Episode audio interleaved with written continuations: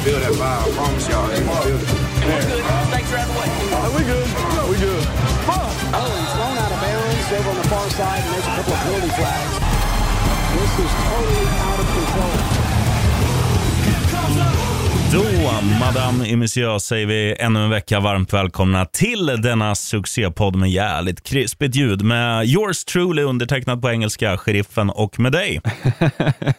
Gnistan såklart. NFL med Gnistan och Sheriffen heter podden, för dig som eh, trodde att vi gjorde någonting helt annorlunda nu. Ja, det, det skulle jag komma in på sen. Ehm, och idag så kan det bli lite miljöljud. Du har en dotra i bakgrunden som inte vill sova. Jag har en, eh, Yes. en mops, eh, ja, mop, mopsjävel höll jag på att säga, men jag tycker om han. Roger, hunden, är här. Roger, fin. Fin är han. Nej, lilltjejen vill absolut inte sova. Hon, har, hon håller på att få tänder just nu, så det är, det är en så här jobbig period där hon sover knappt någonting. Jag tror den här veckan har väl både jag och tjejen snittat kanske 4-5 timmar per natt, så, så vi mår lite sådär. Men, eh, men vad fan, det är sånt man får stå ut med när man har barn. Och jag tänker som du som lyssnar, alltså med, med mina mått mätt så är du utvilad om du får sova fyra timmar per natt. Ja, ja. Life ain't fair. Du Olsson, Nej, nej. Ja, Eh, eh, annars? Nej, men annars rullar det på rätt bra skulle jag säga. Alltså det är lugnt. Eh, Jag är fortfarande pappaledig liksom fram till ja, men början på april där, så, så jag är bara hemma med lilltjejen och försöker ta hand om henne bäst jag kan. Liksom. Så, så visst, i, i den aspekten är det ganska skönt, men samtidigt, alltså de som tror att man alltså pappaledig är liksom soft, eller föräldraledig för den delen, det är det ju inte. Alltså det är jäkla mycket jobb alltså. Och nu har hon liksom börjat ställa sig upp, hon börjar krypa jäkligt snabbt dessutom, så det är, det är mycket, eh, mycket fläng alltså. Men, men det är kul. Själv då, sheriffen? Eh, ja, mycket fläng är väl bara förnamnet. Fy fan. Jag har ju börjat nytt gig nu, så jag kör ju lite NHL-nätter på Viaplay. Alltså man, man rattar sändningar. Man blockerar, när, när amerikanerna går in i reklam så, så antingen blockar man den med en så här svart ruta, will be right back, eller så lägger man svensk reklam, lite beroende på vilken, vilken sändning det är. Så att eh, jag ska jobba dubbla NHL-matcher plus alla vanliga jobb imorgon och i övermorgon. Så att jag är liksom eh, ja, slut mentalt redan nu, men det är jävligt kul och det är bra. eh, jag, jag som lever som en jävla Hollywoodfru, jag behöver ju inkomster som en, så att nu, nu är vi halfway there, citat Bon Jovi. Ja, men det är skönt, sheriffen. Du behöver verkligen pengarna in med tanke på allt, allting som du köper ändå. Eh, Det är inte så mycket tassels, men det är mycket annat som ska pimpa hemmet. Japp. Det, det vet jag. Sen- Och det, skryter du gärna lite om också ibland. Senast idag köpte jag fem kuddfodral, men det behöver jag inte säga till någon. Vad gick de loss på då, sheriffen? Ja, det var, det var ju Black. Black Friday, men de kom nu. Så jag, det var väl ordinarie kanske 3 och 6, halva pris, 1800. Ja, Okej, ja, men det är bra. Du vann ju ändå lite fluring i helgen också, fyra papp, så, så du har ju råd just nu. Ja, ja, för Att fan. ändå lyxa till lite. Och sen, sen sitter du där slutet på månaden då och käkar korv utan ketchup för att du inte har råd med den. Men du vill ändå inte ha den i och för sig. Uff, ketchup utan korv. Ketchup utan korv, exakt. Nej, fint. Men sheriffen, lite överraskningar från helgen som var. Har du någonting där att bjuda på? Eh, två negativa, fyra positiva och idag får inte du Oh. välja utan jag själv väljer att vi ska börja med de negativa för att det kommer liksom snöa in från en dålig grej till en bra grej. Okej, okay. handlar det om snömatchen om man får fråga bara lite snabbt? Eventuellt, och det handlar även om Vikings. Alltså så här, Ah, negativa. Vikings måste man ju nämna här. Förlorar man mot Lions, ett Lions utan seger fram till söndags, då ska man hamna här, vare sig man vill eller inte. Dessutom är ju då Vikings också ett jävligt bra lag på pappret. Nu saknar de i och för sig sin running back Dalvin Cook i den här matchen men, och, och Thielen gick av. Men alltså, det är så många gånger som de leder de här skräpmatcherna eh, och klantar bort det. Alltså de bjöd in Lions och eh, det roligaste med den här matchen det är ju den här memen som har blivit där, där deras coach liksom har blivit en, en clown. Man satte på honom en clownnäsa och en jävla peruk och den har florerat runt på the internet. Eh, då snackar vi om Vikings eh, headcoach som heter, vad heter han Olsson? Jag har glömt namnet. Simmer. Där har du det. Eh, så där var ju det bra med den där matchen, men annars eh, katastrof av Vikings. Ja, men jag tycker det var kul att se Lions. Alltså, de har fan varit med i många matcher i år och äntligen så fick de vinsten. Alltså, Mm. Jag tycker kontra då att lägga med Vikings som någonting negativt så tycker jag såklart att Lions borde vara positiva istället för det, det är stort för deras del och det, det är kul också med deras eh, rookie headcoach Dan Campbell som, som liksom verkligen har försökt att liksom hela tiden ta med det här laget till en seger, försöka allt han kan och det, det syns också i presskonferensen efteråt att han är ju förkrossad när de förlorar. Ja, ja. Men han såg också ganska liksom ja, men sönderarbetade ut när de nu fick vinsten. Såklart så var det ju på grund av händelser, händelserna som hade varit där i Oxford i Michigan, eh, den här skolskjutningen, som, som ändå liksom gjorde att det satte lite eh, seriö, seriositet liksom på situationen. Men fortfarande, det är stort alltså att de ändå lyckas knipa den här segern och Jared Goff har sin nästan bästa match på, på jag vet inte hur många år. Mm. Eh, säkert, säkert två, tre år. Liksom om man kikar tillbaka även i Rams historieboken när han spelade där så,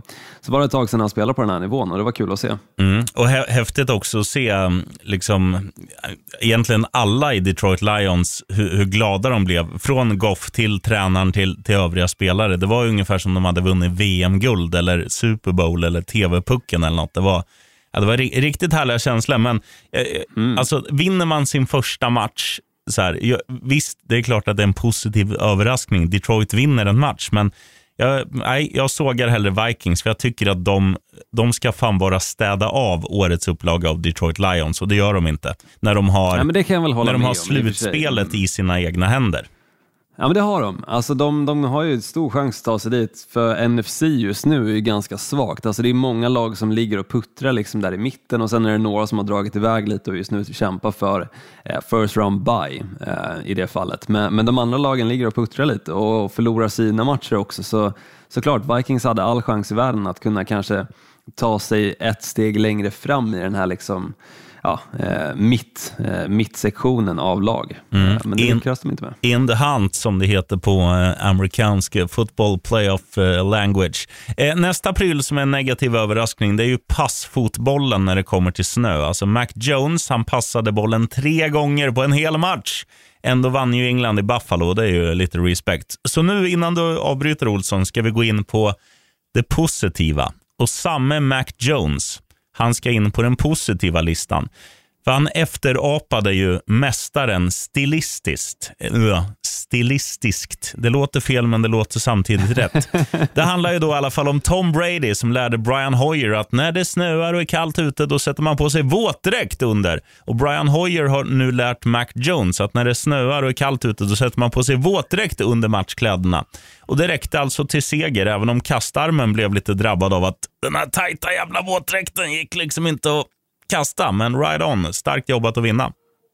Ja men verkligen, alltså, och det känns ju verkligen just nu som att, precis som vi var inne lite grann på förra veckan, alltså New England Patriots är ett av ligans absolut bästa lag just nu. Alltså, de har vunnit vad nu, sju raka matcher, de har spöat stora lag dessutom mm. och nu att en, alltså ändå komma upp till eh, Buffalo och fixa en seger där också eh, betyder ju såklart mycket, liksom, framförallt i de väderförhållanden som var. Så det var en match som på pappret kanske såg ut som att Buffalo bör vinna, men med tanke på springspelet inte riktigt fungerar i Buffalo, och det har väl inte gjort det under hela säsongen heller, så kändes det ändå liksom som att alltså Patriots hade all chans i världen. De fokuserar bara på springspelet och struntade helt enkelt i, i passningsspelet just av väderförhållandena. Mm. Eh, men det är galet hur man kan vinna en match med tre passningsförsök, två lyckade passningar, en av de lyckade var ju ganska liksom nära på att bli en misslyckad passning också för den delen. Mm. Eh, men sen att helt frångå det och bara fokusera på springspelet, eh, det är stort. Alltså, det visar ju också på vilken enormt bra trupp de har. Att ens deras quarterback inte behöver passa bollen mer än tre gånger och de ändå lyckas vinna matchen.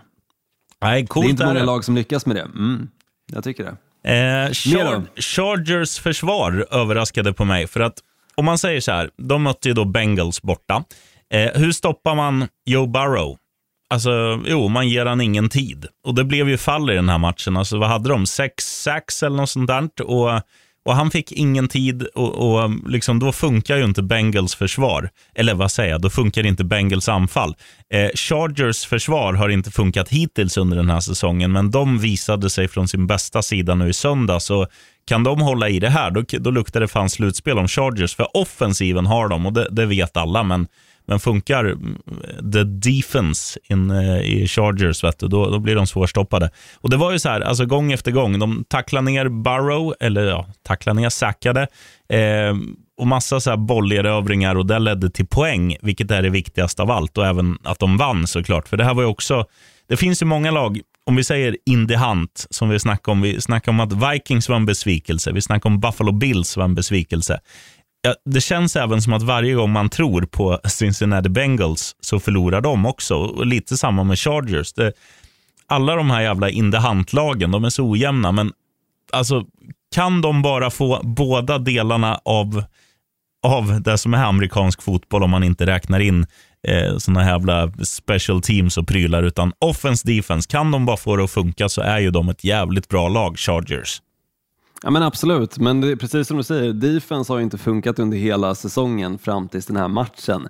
Eh, och sen såklart, alltså Joe Burrow skadade sig lite också i den här matchen på eh, ena fingret och, och det hjälpte väl inte riktigt situationen heller.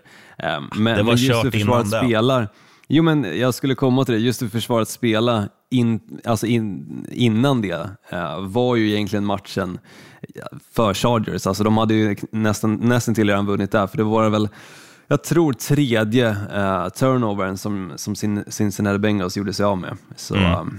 eh, det är klart, man vinner inte matcher på, på det sättet. Det är få lag som lyckas vända en sån match och, och det sätter sig liksom i, i samtliga spelare. Mm. Sen tror jag Jamar Chase också hade en jättedropp i den matchen Ja. som hade kunnat bli en touchdown, men, men av någon anledning så lyckades han inte fånga in den här bollen. Eh, och det såg ut som den Jamar Chase som, som pratades om under preseason. Och det var tråkigt, för det hade också kunnat ändra matchbilden lite grann om man åtminstone hade kunnat få med sig den eh, bollen och det spelet. Absolut. Men eh, ja, det, that's, that's life, Olsson. It is. Nästa då, sheriffen. Ehm, den här städade vi av ganska snabbt. Jag säger bara så här, Cardinals bortaspel. Alltså sju raka vinster, alla med mer än 10 poängs marginal. Starkt, hur starkt, urstarkt. Ja, men det var starkt. Det var också kul att få se äntligen Kyler Murray och DeAndre Hopkins tillbaka och bägge gjorde ju sin grej. DeAndre Hopkins hade touchdown och jag tror Kyler Murray sprang in för två touchdowns han själv också. Så Eh, det var kul att få se dem tillbaka och få se det här potenta anfallet som, som det är. Men jag kommer komma in lite på Arizona Cardinals senare under avsnittet också och prata lite mer Mm. Och tycker och tänker om speaking, dem. speaking of eh, återkomster, alltså kungen var tillbaka. Gardner Minshew, den största positiva överraskningen i mannaminne. Alltså allt med honom är ju underbart. Alltså hans klädstil, han såg ut som eh, en jävla Top Gun-snubbe, någon så här låtsaspilot. Hans insats, han var bra i matchen mot Jets och också hans kram. Mm. Eh, han- hans kram och hans känslor efter matchen han omfamna sin, sin farsa och det blev liksom tears in my eyes. Fan. Och, alltså Gardner Minshew är och förblir min största idol eh, som förmodligen aldrig kommer spela i mitt Miami Dolphins. Nej, förmodligen inte. Men det, ska bli, alltså, det är intressant, för så fort Gardner Minshew kommer in alltså, i en säsong och man liksom har någonstans bara väntat på att det ska hända någonting kring honom. Man har liksom byggt upp personen Gardner Minshew väldigt mycket, så, så levererar han sådana här matcher. Eh, men sen så har han ju liksom problem att bibehålla det. Alltså, I sin tid i Jacksonville Jaguars exempelvis så blev han ju superupphypad, kanske två, tre matcher och sen var ju effekten i lika med noll. Eh, för därefter så började de förlora matcher, men visst, kikar man bara på vad han lyckades göra i den här matchen för Eagles räkning så har det ju sett betydligt mycket bättre ut det han gjorde i den här matchen kontra Trevor Lawrence i Jacksonville Jaguars som draftades first overall och som också var anledningen till varför Gardner Minshew hamnade i eh, Philadelphia Eagles. Eh, Så det kanske hade varit bättre att behålla honom, men, men det är bara en match som man har att räkna på. Det är dessutom en match mot New York Jets, så hur mycket man kan väl liksom räkna in det vet jag faktiskt inte. Nej, det- så är det absolut. Men, men jävligt kul att se en av de mest ögonfallande spelarna back in business. Och, eh, Ja, men det var jättekul. Och det, det är var ungefär, kul. alltså, ta vem som helst. Alltså, det handlar ju, om, om vi tar ett, ett hockeyexempel. Alltså Jaromir Jagr, han spelar fortfarande. Han har fortfarande ishockeyfrisyr, som det heter på gammelsvenska. Han har hockeyfrilla. Det är iögonfallande att se lite, lite old school, lite cool, lite egen ut. Och Gardner Minshew är ju liksom, han är inte lika gammal. Han är inte lika bra som Jaromir Jagr, men han är stilistiskt lika bra, om inte bättre, än Jaromir Jagr himself. Och därför älskar jag Gardner Minshew mer än allt. Ja, men jag, jag gillar honom också. Alltså, det är verkligen det är en person att följa, det är en person att bara liksom häpnas av. Eh, oavsett vad han gör på planen så, så Eller utanför Instagram. planen och bara som han är som person menar jag. Alltså, han, är, han är magisk att följa. Han är en, en karaktär, helt klart. Hell yeah. Lite som du, sheriffen. Du är också en karaktär. Ja, nu skarvar du. Ska vi hoppa över till lite överreaktioner från helgen som var då? Pumpa på. Mm, jag säger nämligen så här, för jag pratade ju precis om Arizona Cardinals att jag skulle återkomma till dem och det gör jag nu. Eh, för jag säger att Arizona Cardinals må ha ligans bästa record med sina tio vinster och två förluster, men de är inte ligans bästa lag. Nej, det är ju Dolphins. Nej, men anledningen till varför jag inte ser Arizona Cardinals som ligans bästa lag just nu är för att kikar man på deras matcher som de har haft så tror jag att det är två matcher där de har eh, vunnit mot ett lag som just nu ligger över 500, alltså har ett vinnande record. Eh, och det vill säga att de inte står på 6-6 eh, utan står i så fall på 7-6, det vill säga. Um, men, och de två lagen, som, eller det laget som de då har lyckats spöa, det är Los Angeles Rams bara. Eh, sen har de åkt på en förlust mot ett annat lag och det är Green Bay Packers som också har ett vinnande record, men utöver det så har de bara vunnit mot lag som antingen är på 6-6 eller sämre. Eh, Så jag är inte helt övertygad om Arizona Cardinals. Alltså visst, de hade nu Kyler Murray och DeAndre Hopkins tillbaka och de lyckades köra över Chicago Bears, men var det någon som hade ens räknat med att Chicago Bears skulle hänga med i den här matchen? Nej, Nej. absolut inte. Men, men om, om jag får vara djävulens advokat eller Arizona Cano- eh, Coyotes, Cardinals eh, advokat här så, så får man ju säga så här att titta på alla andra lag som är liksom i samma spektra, samma dignitet, samma, alltså topplag. De gör ju också sådana här, alltså det, det är inte, de slår ju inte alla andra topplag vecka ut och vecka in, utan det blir ju så här, ibland vinner du, ibland förlorar du. Och, och bottenlagen ska du bara slå. Så att de gör ju sitt jobb för att vara ett av ligans bästa lag. Du ska spela jämnt med topplagen, vinna vissa, förlora vissa. Men framförallt ska du besegra dem du har bakom dig i tabellen. Och Det är det som är deras styrka. De gör inte som Vikings nu mot Detroit Lions, att man liksom tappar en klar seger. De gör inte som eh, var det Buffalo Bills va, som torskade mot Jacksonville Jaguars och eh, Ja, nu 9-6. Baltimore Ravens mot Pittsburgh Steelers och sådär. Det, Houston Texans som besegrade Tennessee Titans. Och, Ja, eh, och ja. Det finns ju fler exempel, men det exemplet finns ju inte kring Arizona, så att det är ju ett styrkebesked i sig. Absolut, det är det. Och eh, det, det håller jag väl med om. Liksom att, alltså det är ett starkt lag, men, men jag tycker inte det är ligans bästa. Det tycker jag inte. Utan det, det som jag ser som ligans bästa lag just nu, det är faktiskt New England Patriots. Alltså för sättet de kan vinna matcher på. Dels alltså inleddes det hela med den här liksom blowout-vinsten mot New York Jets och sen dess har de varit oslagbara. Eh, det är skitsamma om hur de vinner matchen, om det är defense, det är deras springspel, passningsspelet, eh, special teams. De vinner matcher. Eh, Och det, det tycker jag eh, talar väldigt mycket för styrkan i ett lag när de väl kommer komma in i slutspelet också. Ehm, Och, och där ser jag väl lite frågetecken när det kommer till Arizona Cardinals. Men, men det ska bli intressant i helgen. Jag, jag ska rätta mig bara lite snabbt. Eh, de två lagen var just Tennessee Titans och eh, Los Angeles Rams, för de möter Los Angeles Rams nu andra gången i helgen. Eh, så bara rätta mig där. Ajt. Eh, sen en annan överreaktion. Eh, jag vet inte om det i och för sig är en överreaktion, men där får du vara den som avgör det, sheriffen. Indianapolis Colts är årets bubblare till att ta sig till Super Bowl. Eh, definitivt. Alltså nu, nu sen, alltså det var ju det att de, de hade ju problem. Det var väldigt många tongivande spelare som, som saknades i början av säsongen. De är tillbaka nu. Carson Wentz känns som att han, han har fattat sin grej, vad han ska göra i det här laget. Han ska ge bollen till Jonathan Taylor och han ska göra det offensiva. Ibland ska han passa till, för det finns bra wide receivers där också, men, men han ska inte göra de här stora spelen, utan han ska gå in i typ Joe Flacco-rollen när han vann Super Bowl med Baltimore Ravens. Alltså korta spel, tugga yards, lite som Peyton Manning gjorde på slutet också. Det, det är den typen av spel han ska göra. Han ska inte vara spektakulär, för det klarar han inte av att vara längre.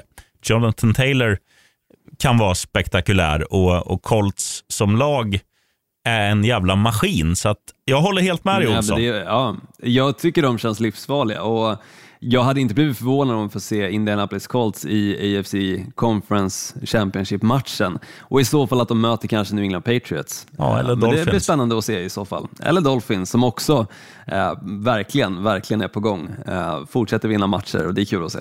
Ja. Eh, men de finns inte med på överreaktioner den här veckan, utan det sista jag bara har med på, på listan är Kansas City Chiefs som må vinna matcher, men deras identitet är spårlöst försvunnen. Ja, det är inte lika sprudlande som det har varit eh, senaste åren. Det, det skriver jag under på. Men samtidigt är ju det en grej att, att det, det är lättare att... Eh, om man säger så här, i, i, i stort sett alla sporter så är det lättare att vara destruktiv än att vara konstruktiv. Och det har ju varit liksom Kansas City Chiefs eh, adelsmärke, att de är ju ett konstruktivt lag, ett offensivt lag. Och när, när de här andra liksom, defensiva coacherna har har grottat sig ner i deras spelsystem och hittat deras svagheter, hur man ska stoppa Hill och Mahomes och hela faderullan Kelsey och kompani.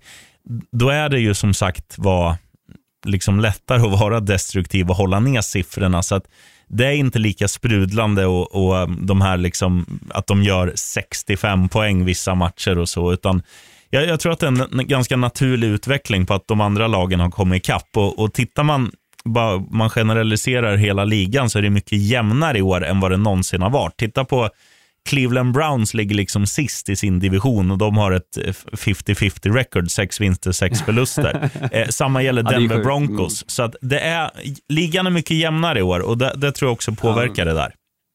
Jo men absolut, men sen, sen tycker jag också om man kikar exempelvis på Patrick Mahomes och hans spel. Han har många interceptions. Alltså, Ja, ja. Det är ju helt ovant att se alltså, den statistiken man får se när man kikar exempelvis efter matchen som var nu när de eh, mötte Denver Broncos eh, och får se att Teddy Bridgewater har i stort sett haft en bättre match än vad Patrick Mahomes har haft. Det, det är det jag menar, identiteten är spårlöst försvunnen. Det här Chiefs som man hypar för eh, deras specifika anfall finns inte riktigt längre. Mm. Nej, jag Men det blir spännande under. att se om de hittar formen eh, fram till, till slutspelet istället. Mm. Eh, så kanske inte så mycket överreaktioner, kanske mer bara fakta, men vi kliver in på den faktiska faktan då, nyheterna, sheriffen. Varsågoda. Texans fortsätter att göra rent hus oavsett roll och bidrag. Eh, nu har de nämligen valt att släppa linebackern Zach Cunningham eh, som de så sent som 2020 gav ett stort kontrakts, eh, en stor kontraktsförlängning. Ehm, och Sen är det också så att Saints har gjort sig av med en person, dock en som kan ses som lite dövikt på ett sjunkande skepp, nämligen wide receivern Kenny Stills. En tidigare favorit till dig, sheriffen, men som tyvärr har verkligen blivit en avdankad spelare i ligan på senare tid. Ja, Och fan. sist på listan Kom tillbaka till av- Dolphins. Absolut. Sist på listan av avsked är Panthers offensiva koordinator Joe Brady som fick dojan.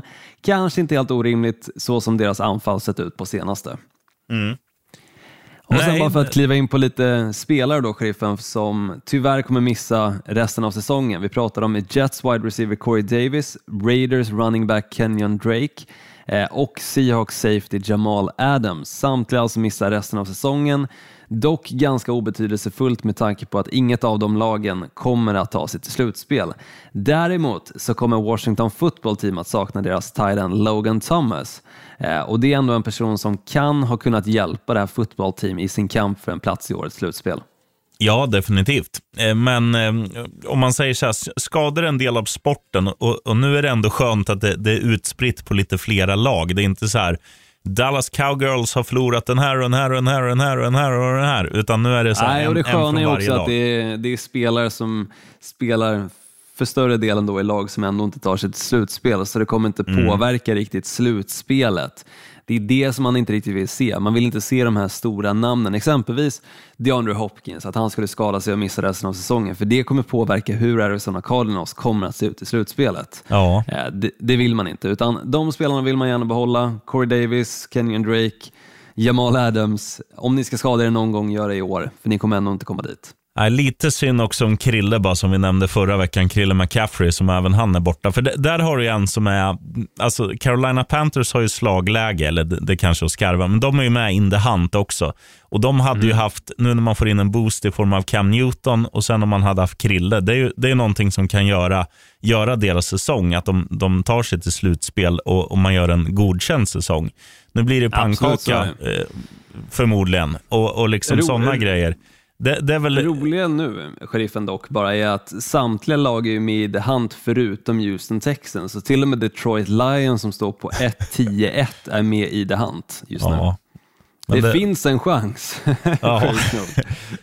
Det kommer ändras den här veckan. Uh, be so sure.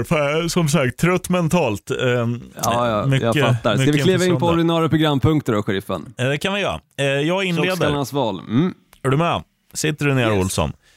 Nu är det så här. Tampa Bay Buccaneers mot Buffalo Bills. Varför är det här något att se då? Jo, Tampa Bay är alltid roliga att se. De har, eh, alltså, deras jävla fountain of youth är ju helt sinnessjuk. Alltså Gronken var ju sylvass i helgen och Lennart Leonard Fournette som jag kallar den, Leonard Fournette, han har ju varit, eh, också varit skitbra senaste veckorna. Eh, Tompa Brady, bortsett från en eh, där första i slutet av, eh, slutet av första halvlek när han kastade en pick six, har ju också varit helt fantastisk och, och liksom eh, den mängden bollar han satte upp, alltså antal passningar nu mot Atlanta Falcons senast. Det det var, var ju, galet. det var ju på väg att bli en jävla rekordmatch. Eh, Scott Hansen höll ju på att ramla av pallen i början där. If he continues to pass like this, he will throw 250 passes during the game. Ja, det var, kanske var skarvat, Ja, typ ja, lite skarvat. Eh. Men, ja, men nästan så. Mm. Nu ska ju de i alla fall spela mot Buffalo Bills och nu, är det, nu ska Yes. du få höra Olsson. Så här är det. Buffalo Bills, de måste vinna den här matchen. Annars är det goodbye för den här säsongen. New England Patriots har ryckt i toppen, dessutom vunnit inbördes möte då med Bills. Så de har ju liksom köpt sig en fördel. Dolphins jagar. De har bye week nu. Sen möter de New York Jets. En klar seger hemma på hemma på Hard Rock Stadium. Så att Dolphins kommer gå upp på samma record som Buffalo Bills nästa vecka. Eh, det gäller då för, för Bills, för så här är det också, att det är ju väldigt mycket streaks i NFL och Dolphins är inne i en fin period. De har vunnit fem raka, kommer ta sex raka. Allt kommer liksom ha vind i, i Miami-seglen. Medan Buffalo Bills känns ju som ett jävla sjunkande skepp, men de har ändå en positiv säsong rent resultatmässigt. De står på 7-5. Men nu måste de visa att, att vi kan slå bra lag, eller i alla, fall göra, i alla fall göra en riktigt bra match mot Tampa Bay. För att annars så är det liksom, det spelar ingen roll om du har Steffe Diggs och Josh Allen och eh, Devon Singletary och, och vad du än har där.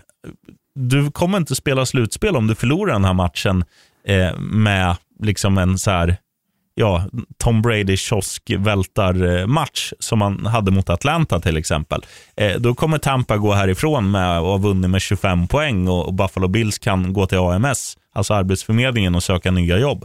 Eller boka Jag tror golfbanor. tyvärr att det är lite så det kommer se ut, sheriffen. För Ja. Dels alltså, Tom Bradys record mot Buffalo Bills säger, säger sitt, men, men också så tycker jag att det här Buffalo Bills-laget, om man kollar på hur de såg ut förra året, med exempelvis Stefan Diggs så var han en jättestor roll i det här anfallet.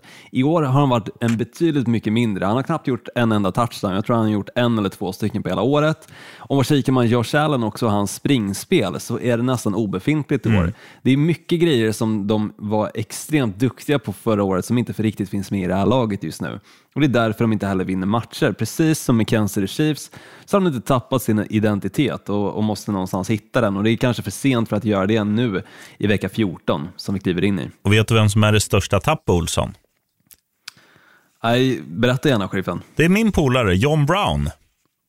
Ja, kanske. Kanske han, faktiskt. han var ju den här, liksom, han var inte spektakulär. Mm. men han gjorde alltid jobbet. Han hade mellan liksom fem och sju eh, receive, vad säger man? Säger man re, receives? Säger man inte. Mottagningar på svenska. Receptions. Eh, alltså varje match. Han tuggar yards och han var ju också där att försvaret var tvungna att fokusera på ibland på honom och ibland på, på de andra, de, de riktiga studsen. Liksom. Och då blir det, Men så det här. öppnar ju upp för Stefan Diggs Ja. och just nu är det ingenting som gör det riktigt. Det är, utan Stefan Diggs, det räcker med att du täcker honom så, så blir spelplanen för Buffalo Bills betydligt mycket tajtare och det blir lättare att fokusera då på exempelvis Josh Allen om, om man nu ger sig ut på en springtur, att faktiskt se till så att han inte tar sig speciellt långt, vilket han kunde göra förra året. Så det är ganska mycket som sagt som ändå påverkar spelet hos Bills. Jag tror att om det är några som, som är ganska trygga med liksom hur de ska spela mot Buffalo Bills och Josh Allen, Eh, så är det nog ändå Tom Brady och det här Tampa Bay Buccaneers. Så eh, jag tror tyvärr att vi kommer få se en match där Tampa kommer att rycka ifrån ganska tidigt. Det tror jag också. Över till dig. Ja, jag ser Tjocksarnas val är faktiskt Monday Night Football denna vecka, nämligen Arizona Cardinals som är på 10-2 som nu möter Los Angeles Rams 8-4. Los Angeles Rams som inför matchen mot Jacksonville Jaguars hade haft tre stycken raka förluster eh, och ganska tunga förluster dessutom i matcher som de definitivt hade behövt vinna. Hade de vunnit de matcherna så hade läget sett helt annorlunda ut. Då hade de lett divisionen, de hade haft first round by just nu, eh, åtminstone i handen, eh, såklart för att kunna eventuellt förlora, men det hade sett annorlunda ut och det här är ett Los Angeles Rams som är byggt för slutspel. Det är ett superlag med Von Miller, Eh, Aaron Donald, eh, du har Matt Stafford, Olda Beckham Jr, Cooper Cup som har sin bästa säsong någonsin. Eh, det är ett lag som bör ligga bättre till än vad de gör. Eh, om vi möter de Arizona Cardinals, på hemmaplan för Arizona, så State Farm Stadium som den heter i Eh, Glendale, Arizona, eh, spelas matchen och eh, det kommer att bli spännande att se. För som sagt, jag tycker inte att Arizona Cardinals är ligans bästa lag, men samtidigt så har de ju ligans bästa record. Så vinner de den här matchen, ja men då kanske jag måste stryka den meningen och ändå titulera dem som ligans bästa lag. Men lyckas Los Angeles Rams vinna den här matchen, om de får till ett bra springspel så de kan också öppna upp passningsspelet med exempelvis Cooper Cup, men också Van Jefferson, som nu på senaste matchen matcherna verkligen har blivit en potent anfallare i det här laget. Och när Cooper Cup inte har kunnat leverera så har istället Van Jefferson varit den som har fångat bollen och Odell Beckham Jr också för den delen. Eh, vi, men visst, det går inte att riktigt säga hur bra det här Los Angeles Rams-laget är bara för att de körde över Jacksonville Jaguars. Eh, men detsamma gäller ju Arizona Cardinals som spelar mot Chicago Bears så, så det går inte heller att säga allt för mycket om dem genom matchen bara som de hade nu i helgen. Eh, De så gör två lag jobbet. som har de gör jobbet båda två just nu mot lagen som är riktigt bedrövliga. Frågan är, gör de jobbet mot lagen som är riktigt bra? Det är det som kommer bli spännande att se för att det är två lag som är bra i samma division som möts. Och det blir spännande, det blir kul. Mm. Ja, Eh, absolut. Monday Night Football, helt klart värt att sitta uppe för. Eh, På tal om division då, nu går vi in på skrällen Olsson. Och jag säger Washington football team kommer spöa Dallas Cowgirls. Så här är det, Cowboys har ju en li- eh, Cowgirls är samma som Cowboys eh, för alla som lyssnar. Det är inte två olika lag. De leder ju divisionen åtta segrar, fyra förluster. Washington skuggar 6-6. Eh, Men det som talar för Washington, det är precis som när jag snackade Dolphins här nyligen. De är inne i en väldigt fin period. De har vunnit fyra raka matcher. Eh, och så här är det, Dallas kan ju i den här matchen vara lite mer, ja, de blir inte av med de blir inte av med, med ledningen i divisionen även om de skulle åka på en förlust. Men för, för Washington är det ju liksom, ja nu gäller det. Fan, nu kan vi, nu kan vi krypa närmare cowgirls och eh, det är liksom make it or break it nästan. För, för antingen så är du en match bakom om Dallas vinner så är det tre matcher bakom. Det är jävligt jobbigt att ta igen. Eh, så att jag tror att de kommer, de kommer köra stenhårt och jag tycker att eh, Heineke är en väldigt underskattad quarterback. Jag tycker att deras, deras lag känns kanske inte spännande, men jag tycker liksom generellt att det, det är en ganska underskattad trupp. Jag, jag tycker att de är ganska bra och, och Dallas börjar säsongen väldigt fint, men har inte imponerat på mig senaste månaden, så att jag säger varning. Jag tror att Washington vinner det här. Ja, men jag tror också det. Visst, det kan ha lite faktor in att Mike McCarthy nu var eh, saknad ifrån matchen mot eh, Los Angeles Rams, eller vad säger jag, Las Vegas Raiders, eh, nu senast på grund av corona då. Men, men fortfarande så eh, Dallas har inte övertygat på senaste. De har förlorat många matcher och eh, de har gjort det på ett klantigt sätt också. Eh, jag tycker Zeke ser helt jävla bedrövlig ut i, i springspelet. Den enda positiva faktorn där är ju Tony Pollard som hade väl en fin rush då eh, nu i senaste matchen. Mm. Men annars, alltså passningsspelet funkar inte riktigt heller med, med Dak Prescott utan det känns som att Dallas som vanligt är väldigt upphypade men lever inte upp till hypen och, och där någonstans så älskar Washington football team att slå sig ifrån. Eh, just den här underdog-positionen som de också var i förra året när de ändå lyckades vinna divisionen. Mm. Ehm, så, så än i år, eh, väldigt oklar division som, där allting kan hända.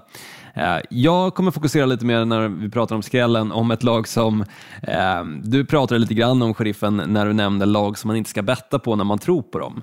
Eh, och jag väljer att tro på dem den här helgen också, nämligen Cincinnati Bengals. Alltså mm. det är ett Bengals som är för bra för att spela så som de gjorde mot eh, Los Angeles Chargers. Jag tycker att hade de bara behandlat bollen på ett bättre sätt och inte gjort sig av med den så som de gjorde och eh, också fångat bollarna som, som Jamar Chase har visat under säsongen istället för det han gjorde under försäsongen då så, så hade de kunnat vinna den matchen. Alltså det, är ett, det är ett starkt anfall, det är ett bra försvar eh, och San Francisco 49ers som de nu möter eh, tycker jag utan Debo Samuel är ett helt annat lag. Han är verkligen den spelaren som, som lyfter det här San Francisco 49ers-laget och har verkligen varit liksom, eh, den som har lyckats ja, men, vända på säsongen för, för egentligen hela 49ers som inledde väldigt svagt och eh, fortsatte fram tills att de började använda Debo Samuel tycker jag på ett annat sätt. Alltså både i springspelet, passningsspelet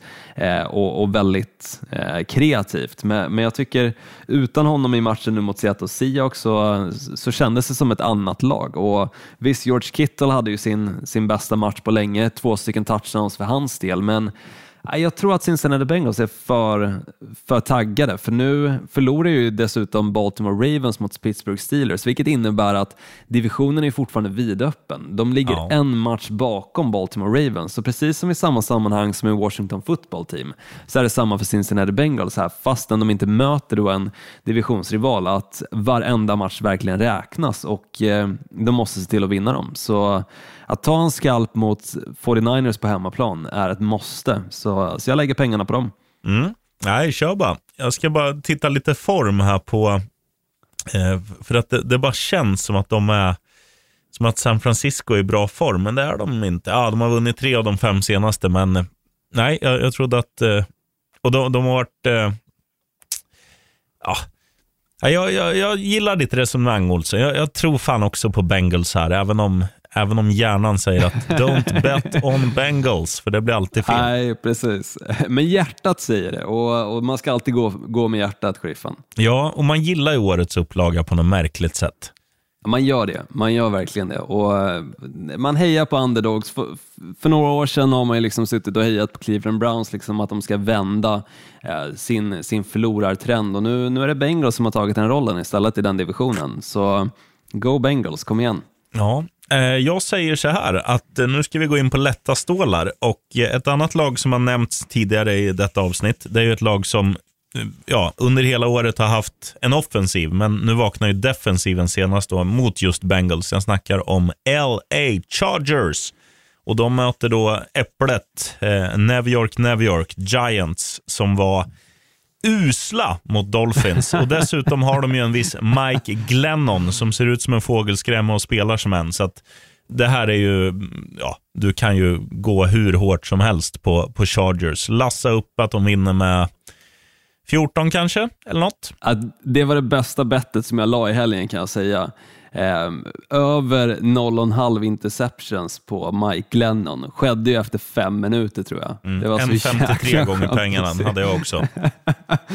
det var magiskt. Jag är så jävla dålig. Men nu verkar det som att de startar Jake From istället. Ja, eh, och då är, det, då är det ännu mer klart. Det är bara att såsa in det. på Chargers. Det för, för vår vän med, med frisyren, Justin Herbert, han eh, han kommer inte göra samma misstag som i fjol och klippa sig, utan han kommer uh, let the flow flow och uh, fixa det här lätt. Absolut, det tror jag också. Jag ser som lättast ståla Green Bay Packers. Eh, 9-3 står de på record, eh, möter Chicago Bears. Det är som sagt ingen bragd att spöa Bears, men det är Nej. divisionsmöte. Eh, 4-8 står de på Sunday Night Football. Det här du behöver inte sitta uppe för att se den om du inte håller på något av lagen. Håller på Chicago Bears, sitt uppe ifall du vill ha måndagen förstörd redan på förhand. För Green Bay Packers-fans så, så kan du väl sitta uppe bara för att få se en match där det blir lite rolig offensiv fotboll från deras sida eh, mot ett riktigt dåligt lag. Eh, och Du kan dessutom lägga minus handikapp, minus 12,5 tror jag linan ligger på just nu. Eh, Green Bay Packers är det laget som är bäst against the spread, alltså handikappsmässigt. Eh, så du kan absolut lägga minus 12,5 för de har fixat biffen 10 av deras 12 matcher. Mm. En lina som är bra att leta efter i den här matchen också tror jag, det är ju att Chicago kommer göra under ja, vad linan nu hamnar på. Men jag säger så här, jag, jag tror inte de gör två touchdowns. Jag tror Montgomery springer in en, för det gör han alltid. Och sen tror jag att de kanske sparkar in två eh, field goals. Så att under 14 kan du hitta det till två gånger pengarna. Lassa in för att så här är det, det blir alltid mindre poäng också när ju kallare, ju senare på säsongen man kommer när man spelar på de här breddgraderna som, som i Green Bay. Eh, och De är ju vana med det. Chicago är också vana med kyla visserligen, men det är inte så att Chicago är ett poängglatt lag oavsett förhållanden. Och nu när det är svåra förhållanden, ja, då blir det poängsnålt. Eh, mark my words. Under 14 på Bears. Ja, kul. Jag tror 17 på Bears, 28 på Packers. Men, men det blir spännande att se. Och då förlorar ju du linan 12,5. Ja, i och för sig, i det sammanhanget så gör jag ju det. Men eh, okej då, jag, jag ändrar mig. 14 blir bra, sheriffen. Vi kör på det. Olsson. Matematik Olsson i farten igen. 11, nej fy fan. Trippel då, sheriffen. Vad har du att bjuda på där då? Nej, men vi kör väl en, en som känns ganska trygg, men som ändå ger lite pengar. Eh, och jag, jag tänker så här, jag tror att det blir väldigt lite poäng i Houston Texans mot Seattle Seahawks. Det är två lag som, har, som inte har fått det att funka offensivt i år, trots att, att Seahawks har eh, materialet för det. Sen tror jag eh, matchen som, ehm, ja, om man säger tvärtom, så tror jag att det blir väldigt mycket poäng i Kansas City Chiefs, för de ska nu möta Las Vegas Raiders. Så är det någonting som de kan, eh, Raiders, det är ju att, att utnyttja försvar som inte är jättebra. För att mycket kan man säga om Kansas City Chiefs. Visst, försvaret har kommit igång lite, men, men i grunden är det ganska dåligt försvar och en bra offensiv. Så att jag, jag tror att det blir mycket poäng i den fighten.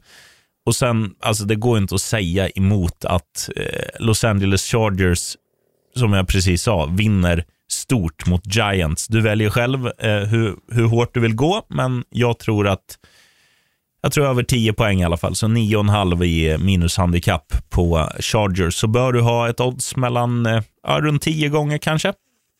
Ja, nej, men låter vettigt, sheriffen. Jag, jag köper en skrälltrippel själv faktiskt. Kaxigt. Som bjuder på ett eh, 9,74 gånger pengarna odds.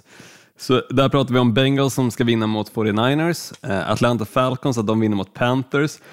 Panthers saknar ju som sagt CMC, alltså Christian McCaffrey, eh, och de har också Cam Newton eventuellt som quarterback. Så jag tror ändå att Atlanta Falcons kan sprattla till lite i den här matchen och vinna. Och sen att Rams vinner mot Cardinals, kör jag också.